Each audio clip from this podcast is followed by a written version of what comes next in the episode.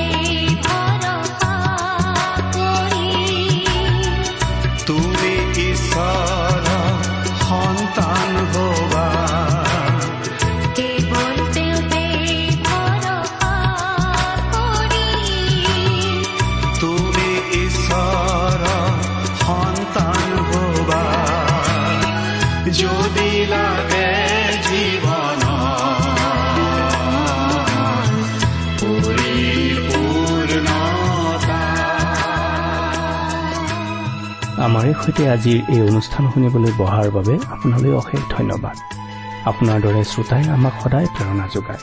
এই অনুষ্ঠানটিৰ যোগেৰে আমি আপোনাক লগ পাই থাকিলে আমি বৰ উৎসাহ পাওঁ। আমি মানুহ সঁচাকৈ ইজনে আনজনৰ সম্পৰ্কত থাকি বৰ ভাল পোৱা প্ৰাণী। ঈশ্বৰেও আমাৰ লগত থাকি বৰ ভাল পায়। সেয়েহে যীশুখ্ৰীষ্টৰ ৰূপেৰে আহি মানুহৰ লগত বসতি কৰিলে। তেওঁৰ আন এটা নাম ইমানুৱেল অৰ্থাৎ আমাৰ লগত ঈশ্বৰ। মানুহৰ লগত ঈশ্বৰ। মানুহ যেন সদায় ঈশ্বৰৰ লগত আৰু ঈশ্বৰ যেন সদায় মানুহৰ লগত থাকিব পাৰে। তাৰ বাবে যি বলিদানৰ কাৰ্যৰ প্ৰয়োজন আছে তাকেই সিদ্ধ কৰিবলৈ প্ৰভু যীশু এই পৃথিৱীলৈ আহিছিল ঈশ্বৰে মানুহৰ লগত থাকিব বিচাৰে। ভাবিলেই ভাল লাগে নহয়নে? এই সময়ত ঈশ্বৰ আপোনাৰ মোৰ লগত আছে। আপুনি যাতে কেতিয়াও অকলশৰীয়া অনুভৱ নকৰে। ঈশ্বৰ আপোনাৰ লগত। ইয়াতকৈ ভাল সংগ পৃথিৱীত কি হ'ব পাৰে? এই লগৰীয়া ঈশ্বৰৰ বিষয়ে অধিককৈ জানিবলৈ আহক।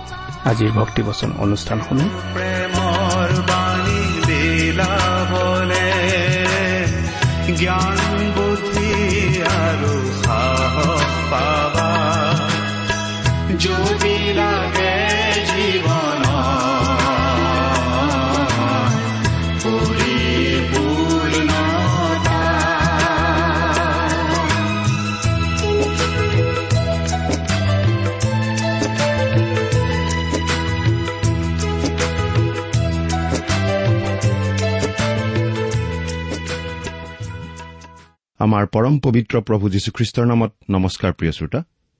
আশা কৰো আপুনি ভালে কুশলে আছে। আৰু এই বুলিও আশা কৰিছো যে আপুনি আমাৰ এই ভক্তিবচন অনুষ্ঠানটো নিয়মিতভাৱে শুনি আছে। প্ৰিয় শ্ৰোতা এই অনুষ্ঠান শুনি আপুনি বাৰু কেনে পাইছে? আমালৈ চিঠি লিখি জনাবচোন। আহকচোন খন্তেক প্ৰাৰ্থনাত মূৰ দুৱাওঁ হওক। স্বৰ্গত থকা অসীম দয়ালু কৰোণাময় পিতৃ ঈশ্বৰ আমি তোমাক ধন্যবাদ জনাইছো কিয়নো তুমি আমাক আকৌ এটা নতুন দিন দেখিবলৈ দিলা আৰু তোমাৰ মহান বাক্য বাইবেল শাস্ত্ৰ অধ্যয়ন কৰিবলৈ এই সুযোগ দান কৰিলা। প্ৰভু তোমাৰ বাক্য তুমিয়েই আমাক বুজাই দিয়া। এই অনুষ্ঠানৰ আৰম্ভণিৰ পৰা শেষলৈকে তুমি আমাৰ লগত থাকি তোমাৰ স্পষ্ট মাত আমাক শুনিবলৈ দিয়া।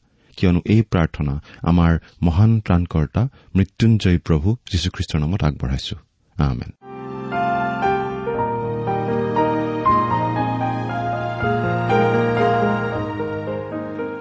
প্ৰিয় শ্ৰোতা আপুনি বাৰু আমাৰ যোৱা অনুষ্ঠানটো শুনিছিল নে যোৱা অনুষ্ঠানত আমি বাৰু কি আলোচনা কৰিছিলো? আমি বাইবেলৰ পুৰণি নিয়ম খণ্ডৰ উপদেশক নামৰ পুস্তকখন অধ্যয়ন কৰিবলৈ আৰম্ভ কৰিছিলো নহয়নে বাৰু? যোৱা অনুষ্ঠানত আমি এই উপদেশক নামৰ পুস্তকখনৰ অধ্যয়ন আৰম্ভ কৰি প্ৰথম অধ্যায়টো চাইছিলো। আজিৰ আলোচনাত আমি এই পুস্তকখনৰ দুই নম্বৰ অধ্যায়টো অধ্যয়ন কৰিবলৈ আগবাঢ়িছো। ইয়াত আমি দেখিবলৈ পাম চলোমন ৰজাই জীৱনত সন্তুষ্টি লাভ কৰিবলৈ অৱলম্বন কৰা এটা বিশেষ পন্থাৰ কথা। এই বিশেষ পন্থাটোনো কি বাৰু?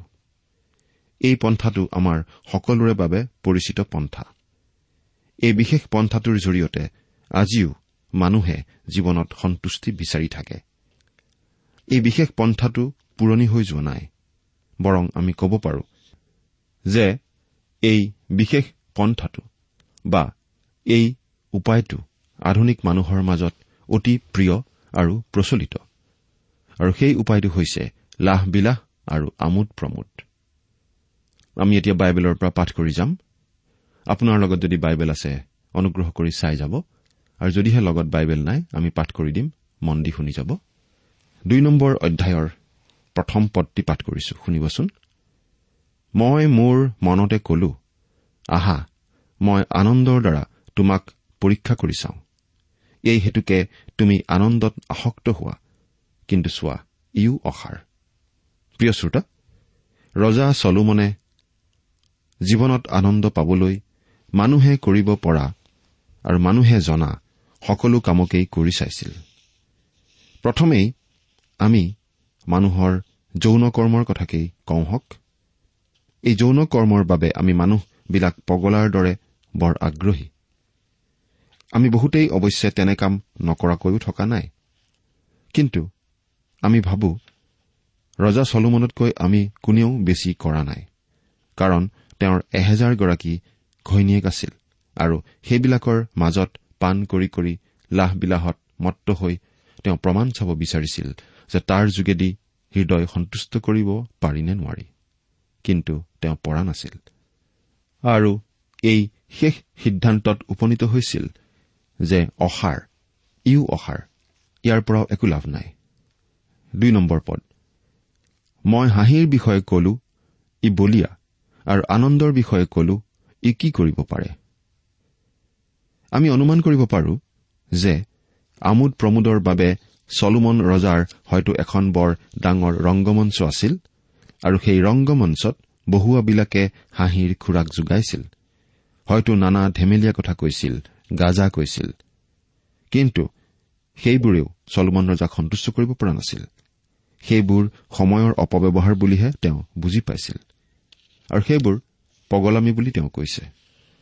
তিনি নম্বৰ পদ শুনিবচোন।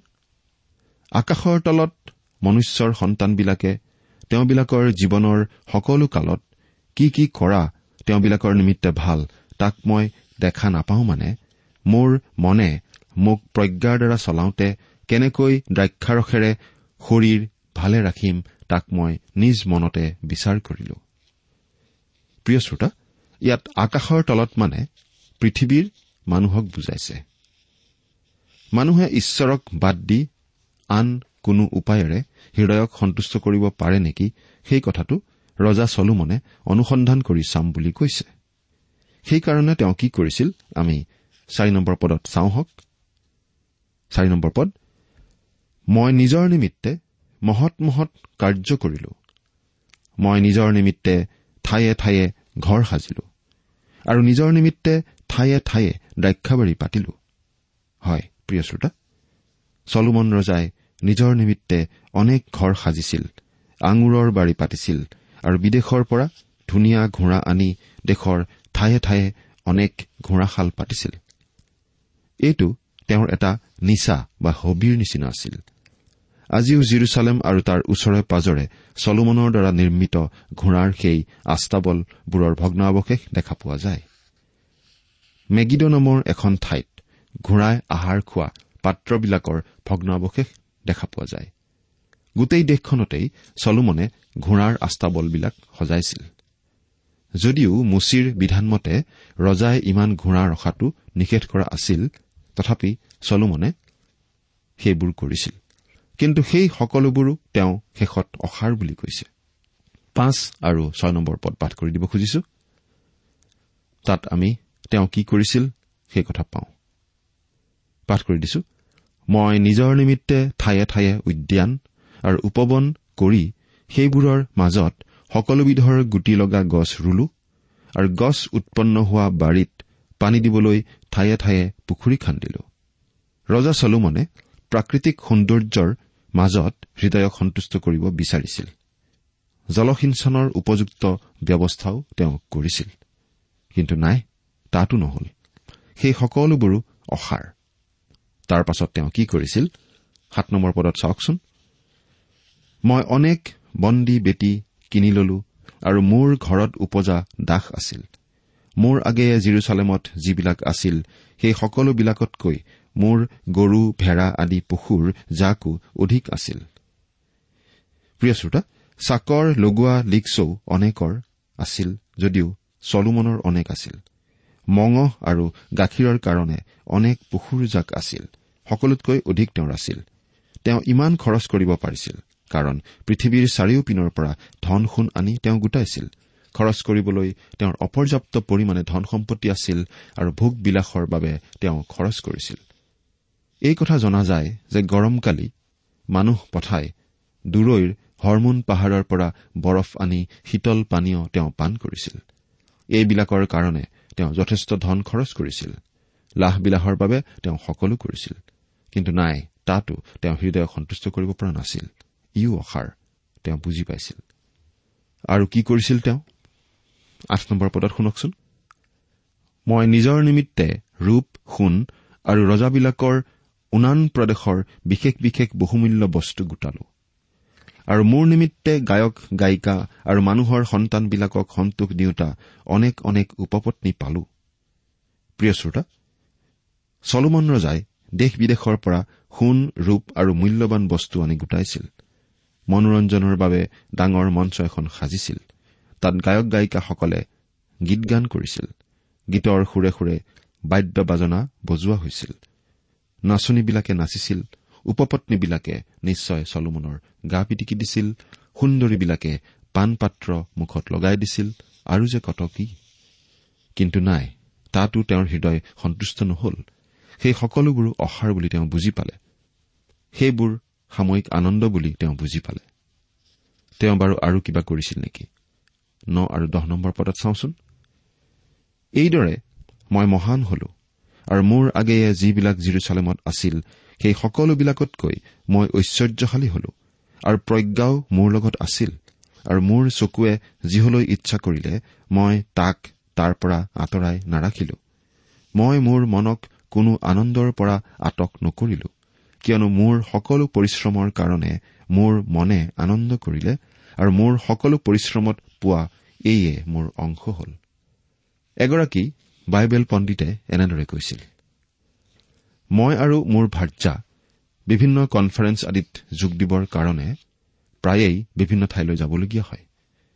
দিনটোৰ উপাসনা আৰু বিভিন্ন অধিৱেশনবোৰৰ অন্তত আমি অলপ সময়ৰ বাবে সকলোৰে পৰা আঁতৰি থাকিব বিচাৰো আৰু আমি সাধাৰণতে বজাৰৰ মাজেৰে খোজকাঢ়ি ওলাই যাওঁ। এনেদৰে বজাৰৰ মাজেৰে এবাৰ গৈ থাকোতে মই মোৰ ভাৰ্যাক এনেদৰে সুধিছিলো তুমি যে ইমানবোৰ বস্তু বজাৰত দেখি আছা সেই সকলো বস্তু বা তুমি বিচৰা সকলো বস্তু কিনিবলৈ সমৰ্থ হবলৈ তোমাৰ কেতিয়াবা বাৰু মন যায়নে? তেওঁ উত্তৰ দি কৈছিল যে তেনেদৰে সকলো বস্তু কিনিবলৈ সমৰ্থ হলে কেনেকুৱা লাগিব তেওঁ নাজানে।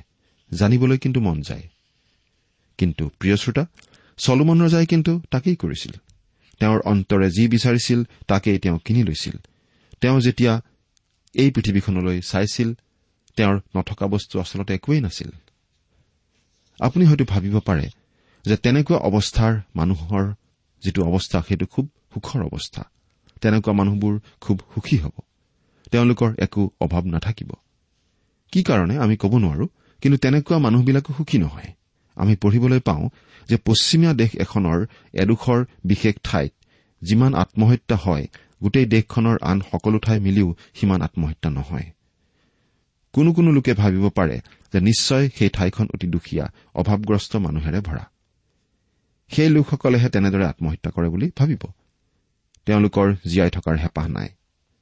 জীৱনটো তেওঁলোকৰ বাবে বুজাস্বৰূপ বুলি আমি ভাবো। বহুতৰ বাবে অৱশ্যে কথাটো মিছা নহয় অভাৱত পৰি কিছুমানে এনেদৰে আত্মহত্যা কৰে। কিন্তু আচলতে সেই ঠাইখনত আত্মহত্যাৰ সংখ্যা বঢ়োৱাৰ কাৰণ এই দুখীয়া মানুহবোৰ নহয়। অতি ধনী অতি বিখ্যাত চিনেমাৰ অভিনেতা অভিনেত্ৰী টেলিভিছনৰ ষ্টাৰ যিসকলক সমাজে অতি সফল লোক বুলি ভাবে তেওঁলোকেহে বেছিকৈ এনে আত্মহত্যা কৰে। কিয় বাৰু? কাৰণ তেওঁলোকে চলোমন ৰজাৰ দৰেই একে সিদ্ধান্তলৈ আহে। চলোমনৰ দৰে ভোগবিলাসৰ সকলো প্ৰচেষ্টা তেওঁলোকে চলায় সকলো পায় কিন্তু একো লাভ নহয়। সকলো অসাৰ বুলিহে তেওঁলোকে বুজি পায়।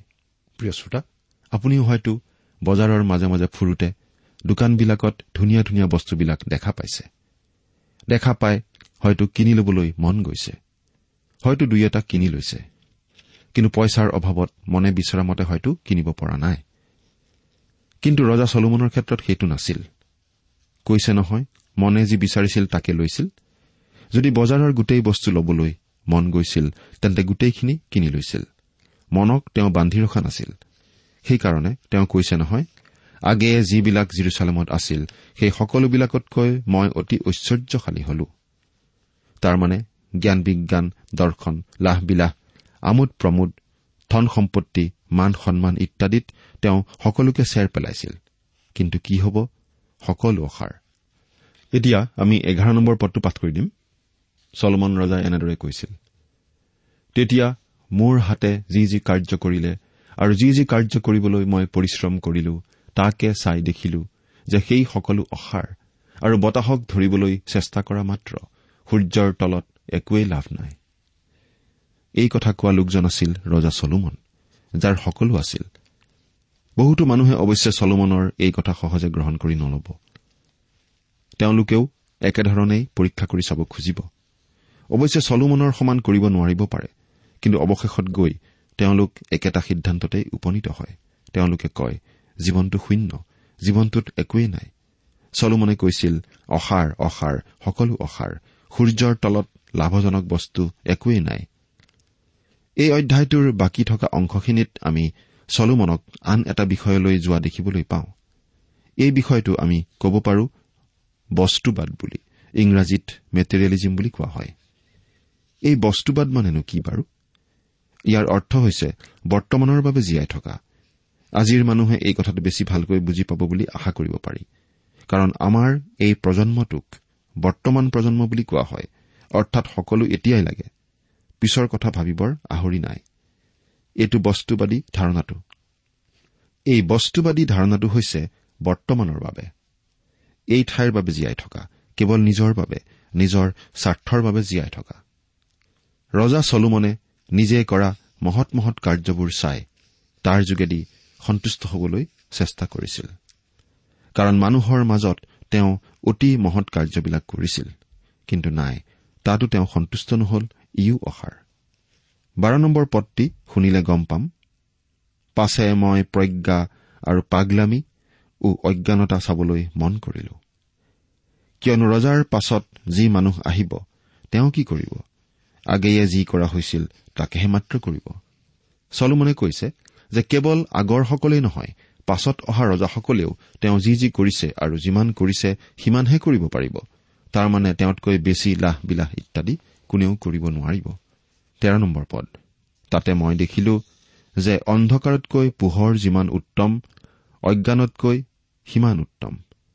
প্ৰিয় শ্ৰোতা চলোমনে পগলা আৰু অজ্ঞ লোকৰ দৰেও কৰি চাইছিল আৰু বুজি পাইছিল যে অজ্ঞানতাতকৈ জ্ঞান ভাল আৰু অজ্ঞানতাতকৈ শিক্ষা ভাল। কিন্তু তথাপিতো ই হৃদয়ক সন্তুষ্ট কৰিব নোৱাৰে। ইও অসাৰ। নম্বৰ পদ। জ্ঞানী মানুহৰ মূৰত চকু থাকে কিন্তু অজ্ঞান লোকে হলে অন্ধকাৰত ভ্ৰমণ কৰে। তথাপি সকলোলৈকে একে ঘটনা ঘটে। ইয়াকে মই বুজিলো। জ্ঞানী মানুহৰ চকু নিজৰ মূৰত বা মগজুত থাকে। আমাক আমাৰ পিতৃ মাতৃ আৰু স্কুলৰ শিক্ষকে এনেকৈ নিশ্চয় প্ৰায়ে কৈছিল তোমাৰ মনটো তোমাৰ চিন্তা শক্তিটো ব্যৱহাৰ কৰা তোমাৰ মগজু ব্যৱহাৰ কৰা তোমাৰ চকু ব্যৱহাৰ কৰা ইত্যাদি ইত্যাদি। নহয় জানো? আচলতে চলোমনে সেই কথাকেই ইয়াত বুজাইছে। জ্ঞানী মানুহে তেওঁৰ মগজু আৰু চকু ব্যৱহাৰ কৰি চলে কিন্তু মূৰ্খই অন্ধকাৰত চলে। কিন্তু চলোমনে সেই সকলো জ্ঞানী মানুহৰ ক্ষেত্ৰত এটা কথা দেখিছিল। আমি যিমানেই বুদ্ধিমান নহওঁ কিয় আমি আচলতে মূৰ্খতকৈ বেছি আগবাঢ়ি যাব নোৱাৰো। আমি সকলোৱে কিছুদূৰ আগবাঢ়ি গৈ এসময়ত গৈ ৰৈ যাব লাগিব যেতিয়া আমাৰ জীৱনৰ অন্ত পৰিব। আমি সকলো একেধৰণেই মাটিৰ মানুহ মাটিলৈ ঘূৰি যাব লাগিব। অৰ্থাৎ আমি এনেকৈও ক'ব পাৰো যে জ্ঞান ভাল ই আদৰণীয়। কিন্তু ইয়াৰ পৰাও লাভ নাই। ই বিশেষ লাভজনক নহয় কাৰণ অজ্ঞানৰ দৰে জ্ঞানীও মৰে আৰু ই হৃদয়ক চিৰশান্তি দিব নোৱাৰে। গতিকে এই জ্ঞানো অসাৰ। পোন্ধৰ নম্বৰ পদ। তেতিয়া মই মনতে কলো অজ্ঞানলৈ যেনে ঘটে মোলৈকৈও তেনে ঘটিব। তেনেহলে মই কি কাৰণে অধিক জ্ঞানী হলো? পাছে মই মনতে কলো ইও অসাৰ। প্ৰিয় শ্ৰোতা আধুনিক মানুহে বিজ্ঞানৰ যোগেদি বহুত কিবা কিবি কৰা বুলি দাবী কৰে। কিন্তু মানুহৰ জীৱনটোলৈ চাওকচোন। বিজ্ঞানৰ বলত মানুহে নিজৰ আয়ুস অলপ বঢ়াই ল'ব পাৰিছেনে নাই? মৰা মানুহক জীয়াই তুলিব পাৰিছেনে নাই? খুব বেছি পাৰিলেও বাৰু হয়তো দহ বছৰ আয়ুস বঢ়াব পাৰিছে বুলি আমি ধৰি ললো। কিন্তু অনন্ত কালৰ লগত তুলনা কৰিলে এই দহ বছৰ অতি নগণ্য। ষোল্ল নম্বৰ পদ। কিয়নো অজ্ঞানীৰ দৰে জ্ঞানীৰো সোঁৱৰণ চিৰকাললৈকে নাথাকে। কাৰণ ভৱিষ্যৎ কালত কেতিয়াবাৰ পৰাই সকলোকে পাহৰা যায়। এৰা। মানুহ যিমানেই জ্ঞানী নহওক বা যিমানেই উপাধি তেওঁৰ নাথাকক কিয় একোৱেই মানুহক মৃত্যুৰ পৰা ৰক্ষা কৰিব নোৱাৰে চিৰযুগমীয়া কৰিব নোৱাৰে। সময় হলে মৰিবই লাগিব আৰু তেতিয়া লগত একো লৈ আমি যাব নোৱাৰো। গতিকে ইও অসাৰ পদ। জ্ঞানী কেনেকৈ মৰে অজ্ঞানৰ দৰে? এইকাৰণে জীৱনত মোৰ ঘীন লাগিল কাৰণ সূৰ্যৰ তলত যি যি কৰা যায় সেই কাৰ্য মোৰ পক্ষে দুখজনক। কিয়নো সকলোৱেই অসাৰ আৰু বতাহক ধৰিবলৈ চেষ্টা কৰা মাত্ৰ। প্ৰিয় শ্ৰোতা এজন বিখ্যাত বিজ্ঞানীয়ে দিনে ৰাতিয়ে পৰিশ্ৰম কৰি বহুতো বৈদ্যুতিক বস্তু উদ্ভাৱন কৰিছিল। তেখেতে ভালদৰে নাখাইছিল আৰু নুশুইছিল। হাঁহি ধেমালিও নকৰিছিল। দিন ৰাতি তেওঁ গৱেষণাগাৰতেই কটাইছিল। অৱশেষত এটি টান বেমাৰত তেখেতে কষ্ট পাই মৰিছিল। তেখেতে উদ্ভাৱন কৰা বস্তুবিলাক আমি আজি ব্যৱহাৰ কৰি আছো। কিন্তু তেখেতৰ নাম জানো আমি জানো বা মনত পেলাওঁ। সেইকাৰণে কঠোৰ পৰিশ্ৰমো আচলতে অসাৰ। ওঠৰ নম্বৰ পদ। সূৰ্যৰ তলত মই যি যি পৰিশ্ৰম কৰিলো সেই সকলো পৰিশ্ৰমত মোৰ ঘীন লাগিল। কিয়নো মই তাৰ ফল মোৰ পাছৰ লোকৰ নিমিত্তে থৈ যাব লাগিব। প্ৰিয় শ্ৰোতা অশেষ কষ্ট কৰি উপাৰ্জন কৰা ধন সম্পত্তিও অৱশেষত আমি আনকহে দি যাবলগীয়া হয়।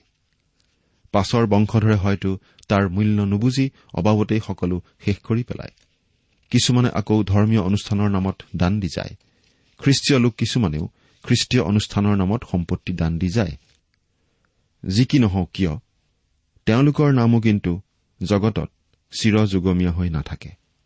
গতিকে ইও অসাৰ বুলি চলোমনে কৈছে। ঊনৈশ আৰু বিশ নম্বৰ পদ। সেইজন জ্ঞানী হ'ব বা অজ্ঞানী হ'ব তাক কোনে জানে? তথাপি মই সূৰ্যৰ তলত যিহত পৰিশ্ৰম কৰি জ্ঞান দেখুৱালো সেইবোৰ পৰিশ্ৰমৰ ফলৰ গৰাকী সেইজনেই হ'ব ইও অসাৰ। এই হেতুকে মই সূৰ্যৰ তলত যি যি পৰিশ্ৰম কৰিলো মই ঘূৰি সেই সকলো পৰিশ্ৰমৰ বিষয়ে মোৰ মনক নিৰাশ হবলৈ দিলো।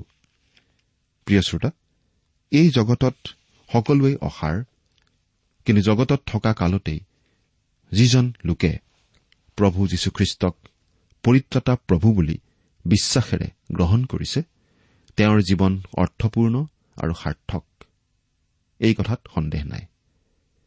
কাৰণ যীশুখ্ৰীষ্টক পৰিত্ৰাতা প্ৰভু বুলি বিশ্বাসেৰে গ্ৰহণ কৰা লোকজন স্বৰ্গত অনন্তকাল জীয়াই থাকিব পাব। তেওঁ স্বৰ্গত বাস কৰাৰ অধিকাৰ লাভ কৰে। তেইছ নম্বৰ পদটো পঢ়িছো।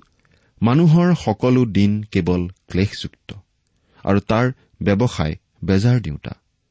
এনেকি ৰাতিও তাৰ মনে শান্তি নাপায়? ইও অসাৰ। চলোমন ৰজাই কৈছে যে বৰ বেছি চিন্তা ভাৱনা কৰিও আচলতে একো লাভ নাই।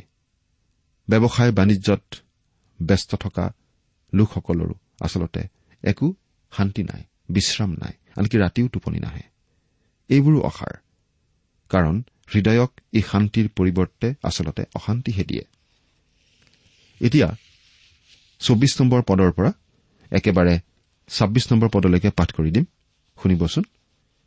ভোজন পান কৰাতকৈ আৰু নিজ পৰিশ্ৰমত নিজৰ মনক সুখ ভোগ কৰোৱাতকৈ মানুহৰ পক্ষে কোনো উত্তম নাই। মই দেখিলো যে ইও ঈশ্বৰৰ হাতৰ পৰাহে হয়।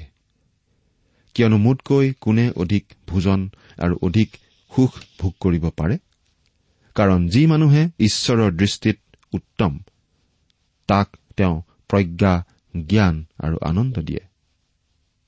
কিন্তু তেওঁ পাপীক হলে ঈশ্বৰৰ দৃষ্টিত যি মানুহ উত্তম তাক দিবৰ নিমিত্তে ধন সাঁচিবৰ আৰু গোটাবৰ ব্যৱসায় দিয়ে।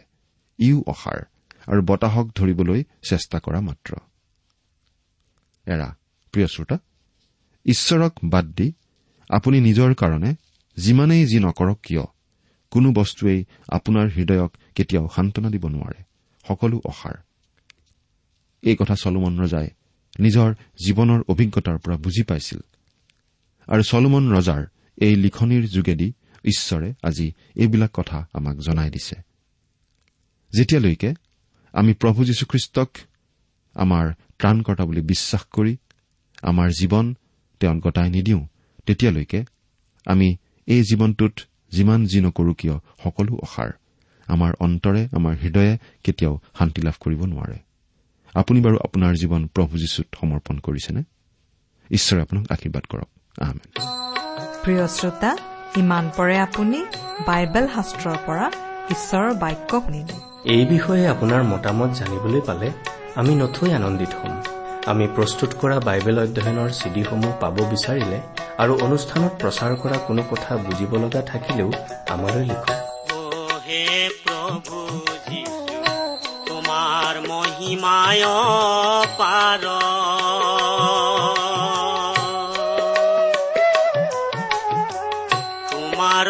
চৰণে নভজিলো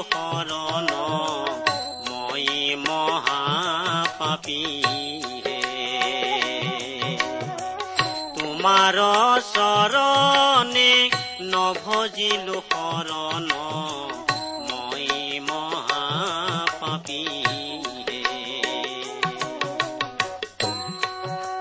আমাৰ যোগাযোগৰ ঠিকনা ভক্তিবচন ট্ৰান্সপল ৰেডিঅ' ইণ্ডিয়া ডাক বাকচ নম্বৰ সাত শূন্য গুৱাহাটী সাত আঠ এক শূন্য শূন্য এক।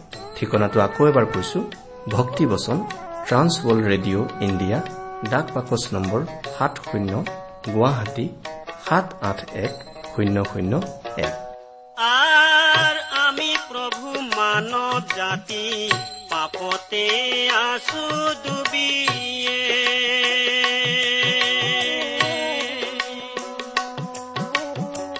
দিয়া প্রভু জ্ঞান বুদ্ধি আমাক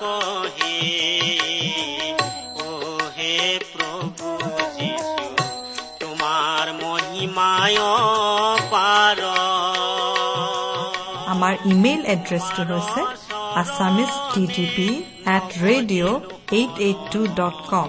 আমাৰ website W W W dot T W R dot in. আপুনি টেলিফোনৰ মাধ্যমেৰেও আমাক যোগাযোগ কৰিব পাৰে। আমাৰ টেলিফোন নম্বৰটো হৈছে nine eight five four zero' four zero' eight eight nine. Phone নম্বৰটো আকৌ এবাৰ কৈছো ন আঠ পাঁচ চাৰি শূন্য চাৰি শূন্য আঠ আঠ ন। আপুনি এই ভক্তিবচন অনুষ্ঠানটি আমাৰ website W W W dot radio' eight eight two dot কমতো শুনিব পাৰিব। আজিৰ অনুষ্ঠানটি ইমানতেই সামৰিছো।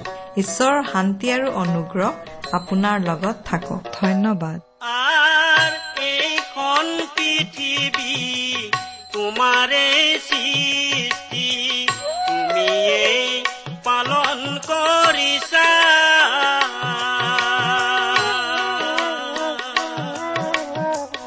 আমি প্ৰভু মহাপাপী পাপৰ সংসাৰত আছো ডুবি কৰা প্ৰভু আমাক উদ্ধাৰ। আমি প্ৰভু মহাপাপী পাপৰ সংসাৰত আছো ডুবি কৰা প্ৰভু আমাক উদ্ধাৰ ও হে প্ৰভু যিশু তোমাৰ মহিমায় পাৰ তোমাৰ চৰণে নভজিলো শৰণ।